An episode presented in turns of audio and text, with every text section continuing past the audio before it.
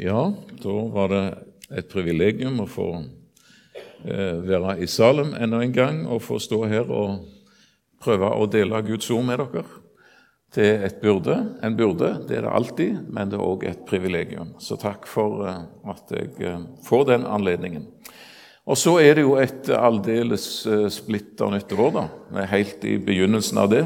Så jeg har òg lyst til å ønske hver enkelt et et godt år, et nådeår ifra Herren, der, eh, der, Herren får eh, stelle med deg sånn som han ville, og med meg, og får eh, virke sin gode vilje.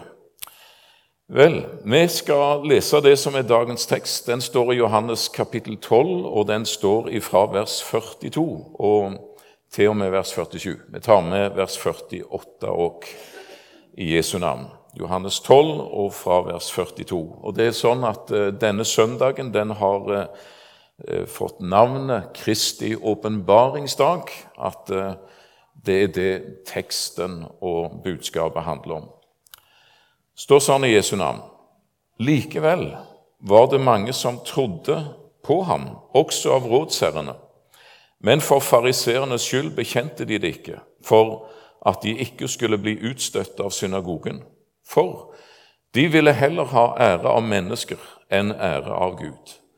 Men Jesus ropte og sa, 'Den som tror på meg, tror ikke på meg, men på Han som har sendt meg.' 'Og den som ser meg, ser Han som har sendt meg.' 'Jeg er kommet som et lys til verden, for at hver den som tror på meg, ikke skal bli i mørket.' Om noen hører mine ord og ikke tar vare på dem, så dømmer ikke jeg ham for jeg er ikke kommet for å dømme verden, men for å frelse verden. Den som forkaster meg og ikke tar imot mine ord, han har den som dømmer ham. Det ord jeg har talt, det skal dømme ham på den siste dag. La oss be sammen. Herre Jesus, vi takker deg for ditt ord. Takker deg for sangen om deg og for det vi allerede er blitt minnet om, Jesus. Takk at du er her til stede, og vi ber om ditt gode nærvær og din velsignelse. Vi ber Jesus om din åpenbarelse, både for liten og stor. Du ser barna som er samles, og du ser eh, oss som er her. Og du ser de mange som samles om i denne byen, i dette landet, videre utover den ganske jord. Du ser òg der ditt ord ennå er ukjent og ikke forkynt. Herre, la ditt ord få bane seg vei og nå stadig nye områder og nye menneskehjerter. Vi ber om det i ditt navn, og vi ber om å få lov til å stå i denne tjenesten sjøl. Amen. Kristi åpenbaringsdag eh, det er et fint eh, uttrykk, og egentlig så burde det som en stå som en overskrift over hver eneste dag, at det må være en dag der Kristus får åpenbare seg for deg og meg. Og Det handler jo rett og slett om å, å se Jesus, for det er jo det ordet åpenbare betyr. At du, du, får se. Det er noe som kommer til syne, noe som ellers var skjult. Og det er ufattelig stort. Det er større enn noen av oss aner og tenker over.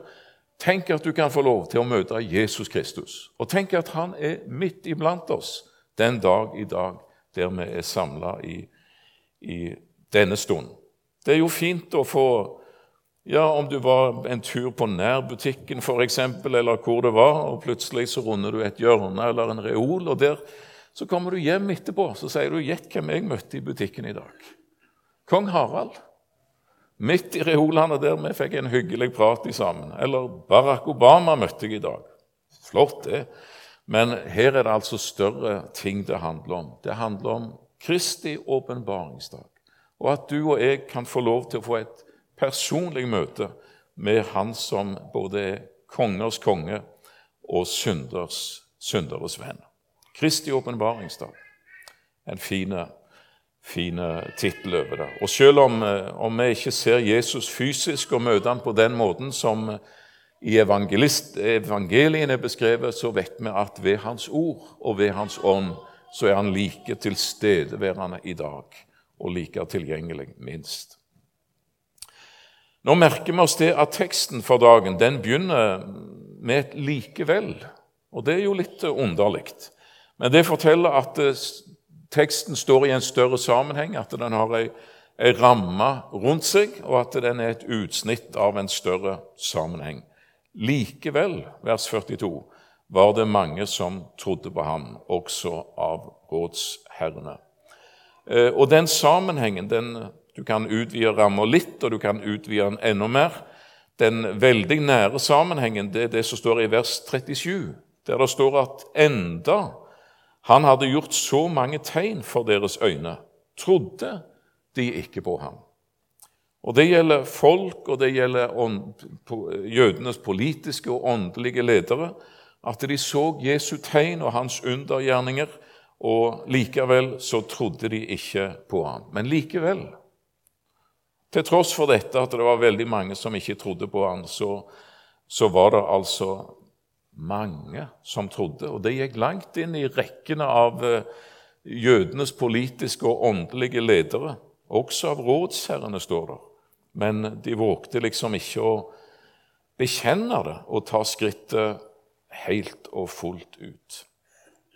Eh, og Hvis du utvider ramma litt til, så, og ser sammenhengen som går forut for de, til tross for eh, enda han hadde gjort så mange tegn.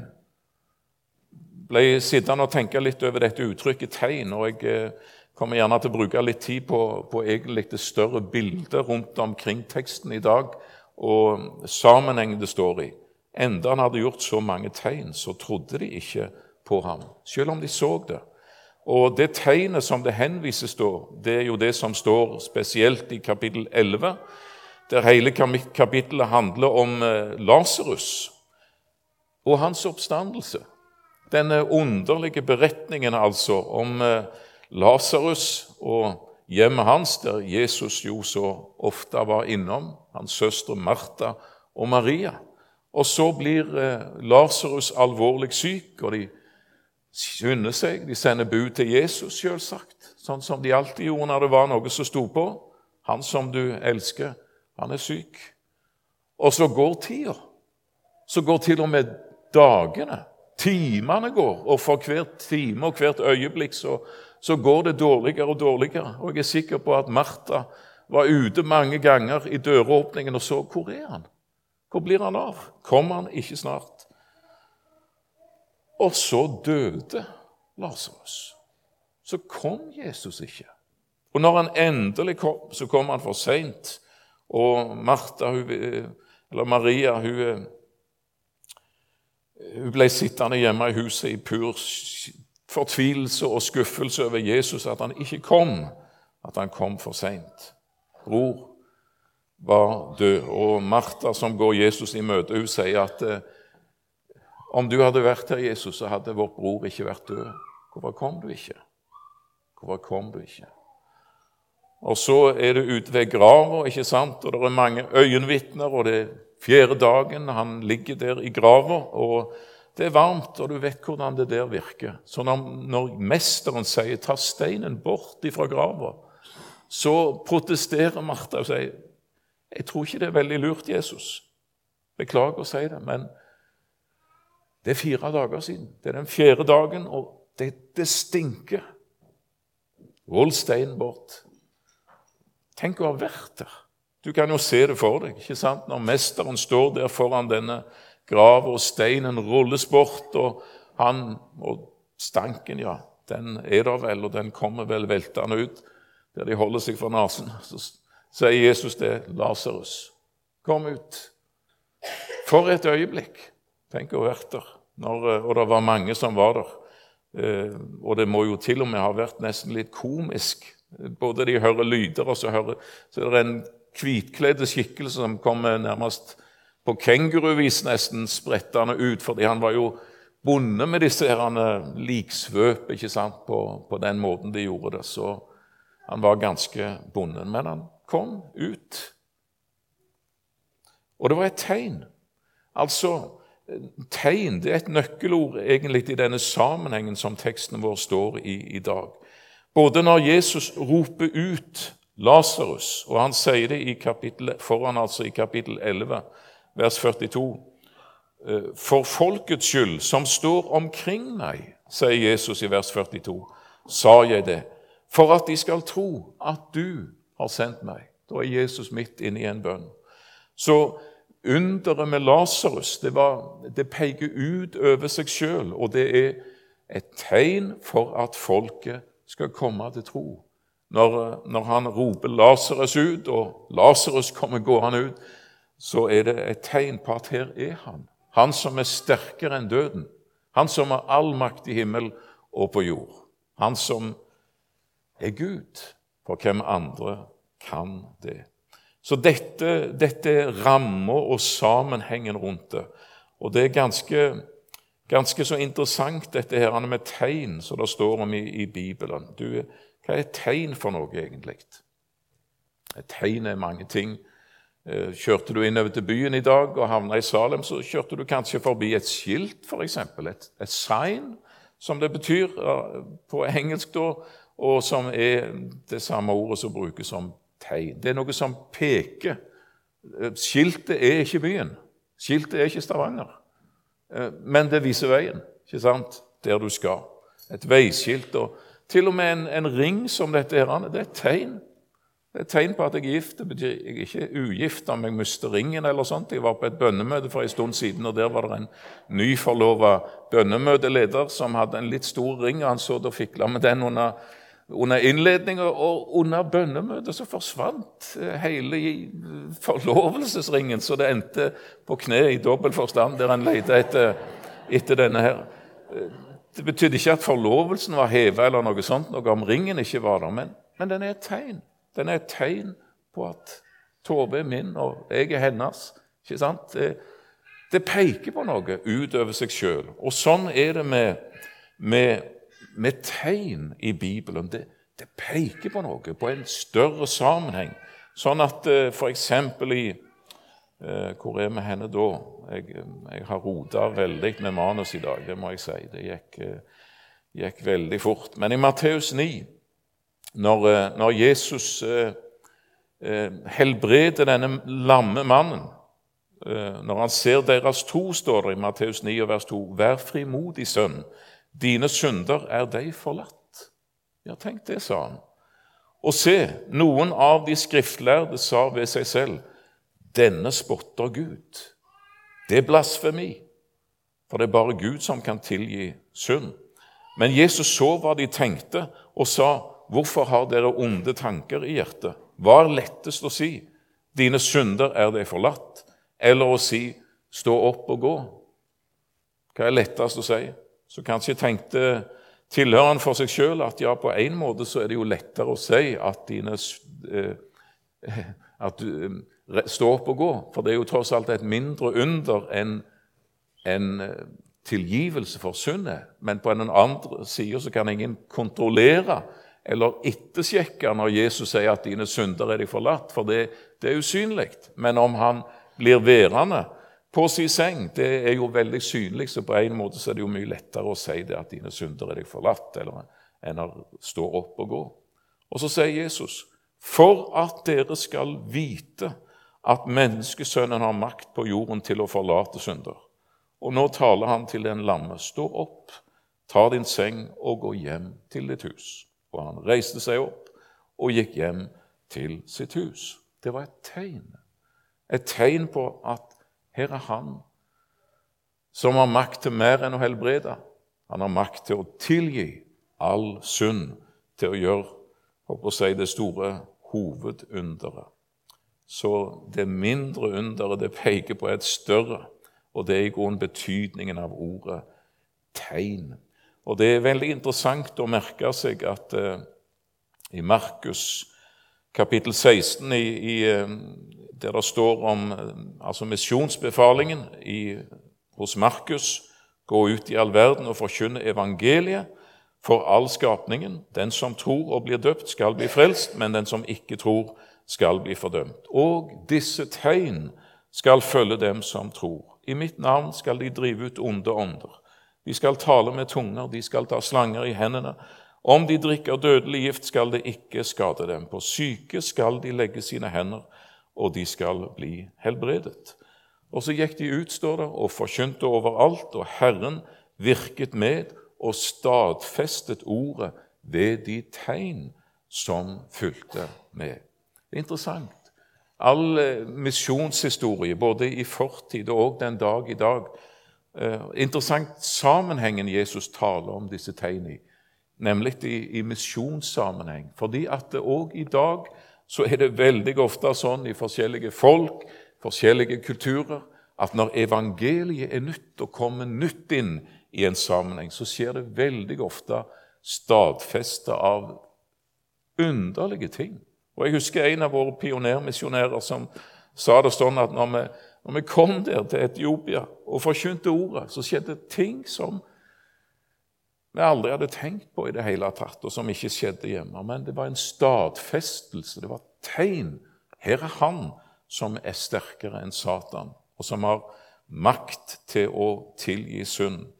Og jeg leste Det er noen, en stund siden da jeg husker ikke hvor lenge, ikke så veldig lenge siden, at, eh, at uh, Hans Arne Gravås fortalte igjen om det, den kjente hendelsen der i Garda, i Gidole, Etiopia, når uh, evangelisten Shamebo kom der. Var det i 1954, kanskje? Eller omkring det, den tida der. Det husker jeg ikke årstallet på nøyaktig. men... Uh, legger jo merke til det store offertreet som står der. Trolltreet, som jeg husker Gudmund Vindskjei kalte det.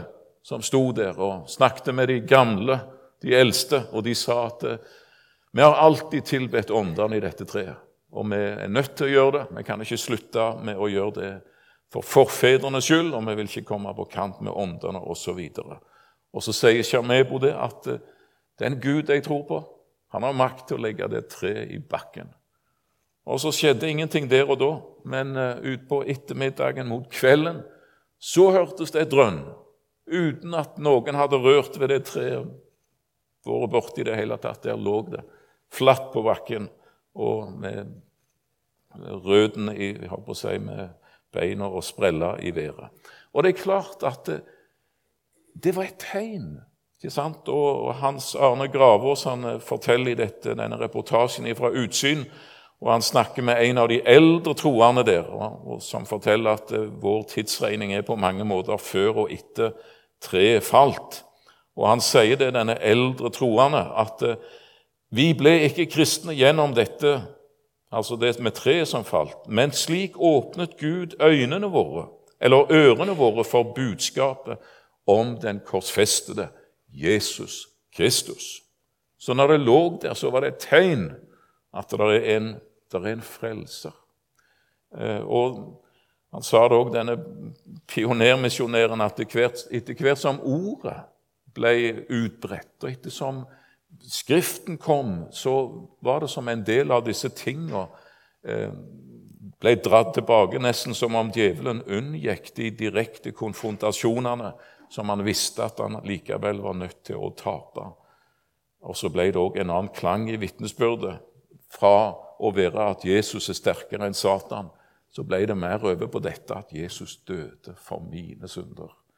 Og det er, det er jo hovedvekta og hovedtyngden der det skal ligge. Gud, eh, og en, en, kjenner en lengsel og en bønn om det at, at han eh, at han stadfester sitt ord med de medfølgende tegn. Men det er ingen garanti for at eh, disse tegn fører til tro. For noen åpner det ørene. Du kan lese apostelens gjerninger, se gang på gang hvordan det nesten går igjen i alle fortellingene. Det skjer ting. Mennesker eh, blir forundra. Noen hører, og andre avviser. Sånn er det med Jesus. Sånn er det med Ordet. Sånn er det òg med disse tegn, at de setter et skille. Det, det er sammenhengen teksten vår står i i dag, altså med vers 37. De som avviser, og de som kommer til tro. Og Sånn er det altså i sammenhengen fremdeles i, i den litt større ramme rundt omkring teksten vår. Nå blir jeg værende en del der. I Johannes 11, ved Lasarus i grav. Altså Det er et tegn på at det er han som en dag skal si, ikke bare stoppe et gravfølge i Nain og vekke opp en unge gutt ifra døden, eller gå inn i synagogeforstander Jairus hus i Kapernaum og reise opp denne tolv år gamle jenta. Her er han som ikke bare en dag skal stå ut forbi Lasarus i grava og si 'Lasarus, kom ut'. Men her er han som har makt over døden og alle ting, og som en dag skal sløyfe betegnelsene, navnene, og bare rope 'Kom ut!' Og så skal alle døde til alle tider oppstå. Han er Gud. Han er kommet iblant oss. Og Kristi åpenbaringsdag. Tenk at du kan få møte denne levende og mektige frelser. Så Gud kan gi tegn, og han kan holde dem tilbake igjen. Og Det står i Matteus kapittel 16 f.eks. Matteus kapittel 16 at om fariseerne og sadukerene som kom til ham og fristet ham og ba ham vise dem et tegn fra himmelen, et triks, et under. Men han svarte og sa til dem, om kvelden, sier dere, det blir godvær, for himmelen er rød. Og om morgenen, i dag blir det uvær, for himmelen er rød og mørk. Himmelens utseende, himmelens tegn, vet dere å tyde, men tidenes tegn kan dere ikke tyde. En ond og utro slekt krever tegn, men tegn skal ikke gis den uten Jonas-tegnet. Og han forlot dem og gikk bort. Så tegn, det er noe Gud kan gi, og det er noe han kan holde tilbake. Og kanskje opplever vi mye det i, i, vårt folk, at det er åndelig talt en, en arrogant, en, en ja, en, en, ond snakket Jesus om. En vantro og utro tegn som står der liksom med armene i kors og høyt TV over alt og alle ting, og en bryr seg lite. En, en ser himmelens tegn, og en kan tyde både på den eh, åndelige eller politiske værhimmel og på den rent fysiske, og er opptatt av det timelige. Og glemmer at det er tegn på noe større. Ja, til og med himlene står der. De forkynner Herrens herlighet. Eh, og vi er av, omgitt av tegn overalt, både de spektakulære og de mer hverdagslige. Altså det, det tegn Vi er omgitt av de hele veien. De peker på det. Der finnes en Gud. Der finnes en skaper. Gjør deg rede til å møte din Gud. Det er det det handler om. Det handler om evigheten. Og tenkte på det òg i dag, eh, eh, i denne sammenhengen det, som det står i, altså med tegn. Tenker på denne fortvila beretningen i, Lukas kapittel 16 om den forhenværende rike mann som ikke var så rik likevel når det kom til stykket, fordi at han slo sine øyne opp. Han døde, og han slo sine øyne opp i dødsriket, der han var i pine. Og han forsto det at uh, her er det ingen vei tilbake. Og det er faktisk ikke en eneste dråpe med lindring jeg får. Jeg er fortapt for all evighet.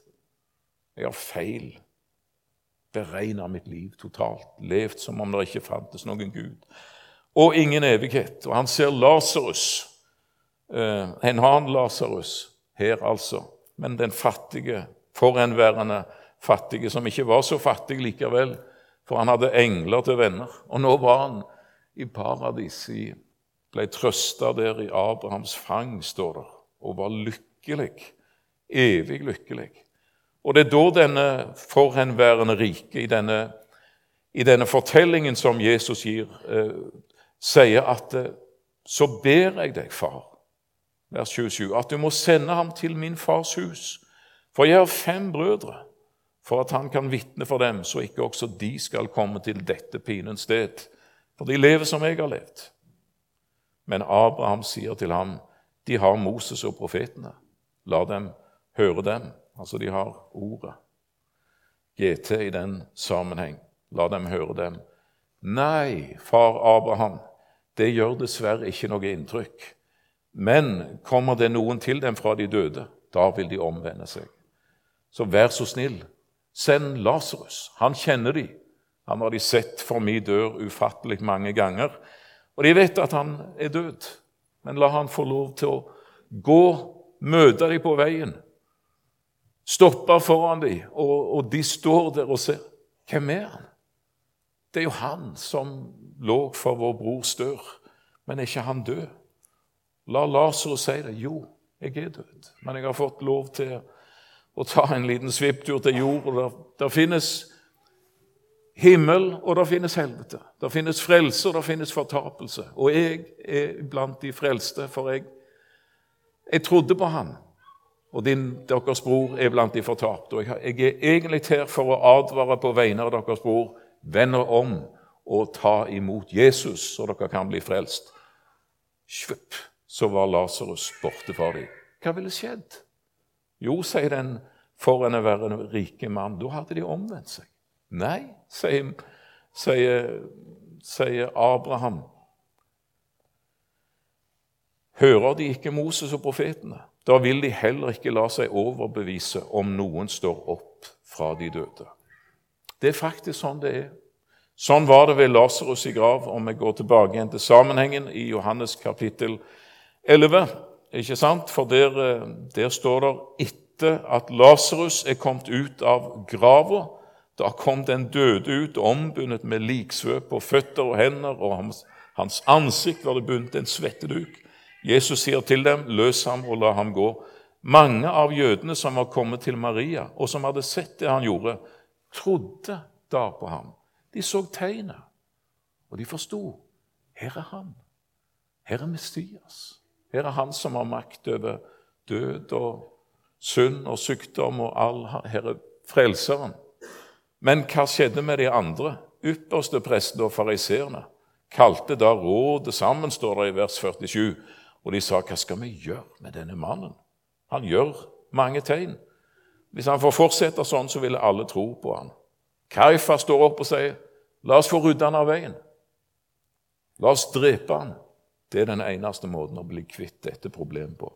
Så veiene skiller seg. Og det er faktisk sånn at om en engel hadde stått over Stavanger i dag, eh, rett etter møtetid, og du gikk ut fra Salem og Gisp Du ser der står det en, en flammende engel med, med lysende sverd over, over, byen og med en påskrift.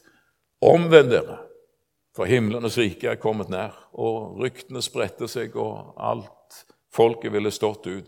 Vet du hva? Det ville ikke ført til frelse for alle mennesker. For noen kanskje ville det være en øyeåpner. Men, og, og, det er òg et faktum at tegntro i seg sjøl frelser ikke. Bibelen taler om, om, tro på forskjellige måter. Det taler om tegntro. Det er ikke frelse i det. Det taler om kunnskaps- eller en slags teoretisk tro, som det heller ikke er frelse i. Jesus da, sa da til de jøder som var kommet til tro på ham, at dersom dere blir i mitt ord, da er dere i sannhet mine disipler, og sannheten skal frigjøre dere. Da gikk de aldeles i vranglås. De hadde en, en tro, men, men, du ser, den, den, tro som Bibelen taler om som den frelsende tro, det er verken tegntroen eller jeg håper å si den rent intellektuelle, men det, det, er den tro som kommer ut av Guds ord, der ordet forkynnes. Ordet om synd, ordet om nåde. Troen kommer av forkynnelsen som en hører, og forkynnelsen som en hører, den kommer ved Kristi ord. Så når Kornelius i Apostlenes gjerninger kapittel 10 og 11 plutselig sto ansikt til ansikt med en engel midt i stua hans, som viste seg foran, da sa ikke engelen det at 'nå er du frelst, nå har du sett meg'. Men da sier engelen til, til Kornelius at du må gå veien om Joppe og hente til deg en mann ved, ved med, med tilnavn Simon Peter. Det kan være du må ha ei klype for nesen, for eh, han bor hos Simon Garderen eh, ute ved kysten. Eh, og der, ja, Det var noe sånn det var. Det var et veldig lavstatusyrke med å være garver. Det var lukt på den tid. og det kan være du må ha ei klype for nesen. Men han skal tale ord til deg som du skal bli frelst ved. Du og hele ditt hus. Så det spektakulære, det, det er ikke det som er målet hendelsen, til og med med en dødeoppvekkelse, Johannes kapittel 11, det fører ikke nødvendigvis til den frelsende tro, men det skal åpne våre ører for, for evangeliet om Jesus. Det står veldig flott der i, i sammenhengen. Eh, I ramma, det nærmeste nabolaget til teksten, der står beretningen fra Jesaja kapittel 53. Og Det begynner med dette ikke sant, at for hvem ble Herrens arm åpenbart? Hvem så Messias i dette? Vi, vi så bare en mann som var forakta og forlatt av mennesker, velkjent med sykdom. Vi akta han forslått av Gud, plaga og gjort elendig. Eh, ja, det var det vi så. Sannelig, sannelig. Kristi åpenbaringsdag. Sannelig, våre sykdommer har han tatt på seg, våre piner har han båret. Vi aktet ham for plaget, slått av Gud og gjort elendig, men han ble såret for våre overtredelser, knust for våre misgjerninger. Straffen lå på ham for at vi skulle ha fred, og ved hans sår har vi fått legedom. Det underet, når Den hellige ånd får forklare dette faktum for deg. Da ser du Jesus, da ser du lyset. Og da blir det òg sånn Nå har jeg aldeles rota meg vekk, så jeg kommer ikke til å få eh, preke over teksten i det hele tatt, for tiden den er aldeles godt. Men, men da ser du lyset. Det er det som er hele poenget med, med, ja, med de tegn som Gud i sin nåde gir og viser. Han kan gi tegn, og han kan holde dem tilbake. Det er opp til hans, eh, hans vilje. Uansett så har vi Moses og profetene. Vi har det skriftlige Guds ord, og vi har det privilegium å få lov til å ta imot denne frelse og denne frelser. Likevel, likevel, til tross for at fariseerne og de skriftlærde og mange vendte Jesus ryggen, etter Johannes 11 og oppstandelsen og disse tegn som viste, så ble skillet enda tydeligere. Likevel så var det mange som trodde på ham, til og med av rådsherrene. Men de vågte ikke å bekjenne det. Nei, de var redde for å bli utstøtt av synagogen. De tenkte som så at hvis vi bekjenner Jesus og følger ham, hva, hva da? Hva får vi? Jo, vi får hans vennskap og nærskap. Men vi mister menneskers erkjennelse, vi får sparken i synagogen, vi får problemer på jobben, i familien osv. Så, videre. så vi, vi, ligger lavt, og vi, vi står ikke fram. Og så var det bare en sånn en fordekt tro. De, hvorfor? For de ville heller ha ære av mennesker enn ære av Gud. Og det er et faktum at i åpenbaringen, når det står om, om dommen over mennesker, så de første som nevnes, som står utenfor og ikke får del i dette, det er de feige. Det er de vantro. Det er de som hadde muligheten og visste veien og hadde anledningen, men de vågte ikke. De, de ville heller ha ære av mennesker enn ære av Gud. Og hvis du kutter bort alt annet eh, og alle fine ord og sånn, så er det Guds innskrift på deres gravstein den dag i dag. De ville heller ha ære av mennesker enn av Gud fortapt mot bedre vitende. Måtte ikke det være overskriften over ditt liv og over mitt liv, men måtte overskriften heller være denne at han eller hun ville heller ha ære av Gud enn av mennesker. Det er evigheten det gjelder, og det er ditt forhold til Jesus det kommer an på ved veis ende. Da betyr intet annet noe. Kristi åpenbaringsdag. Så kommer han til deg, så er han her, så kaller han på deg, og så sier han 'følg meg'. Hva, hva svarer du på det, da? Herre Jesus, takk at uh, du ennå er til stede, at du ennå åpenbarer deg. Takk for at ditt ord forkynnes på mange fronter, Herre, og at ditt ord har framgang.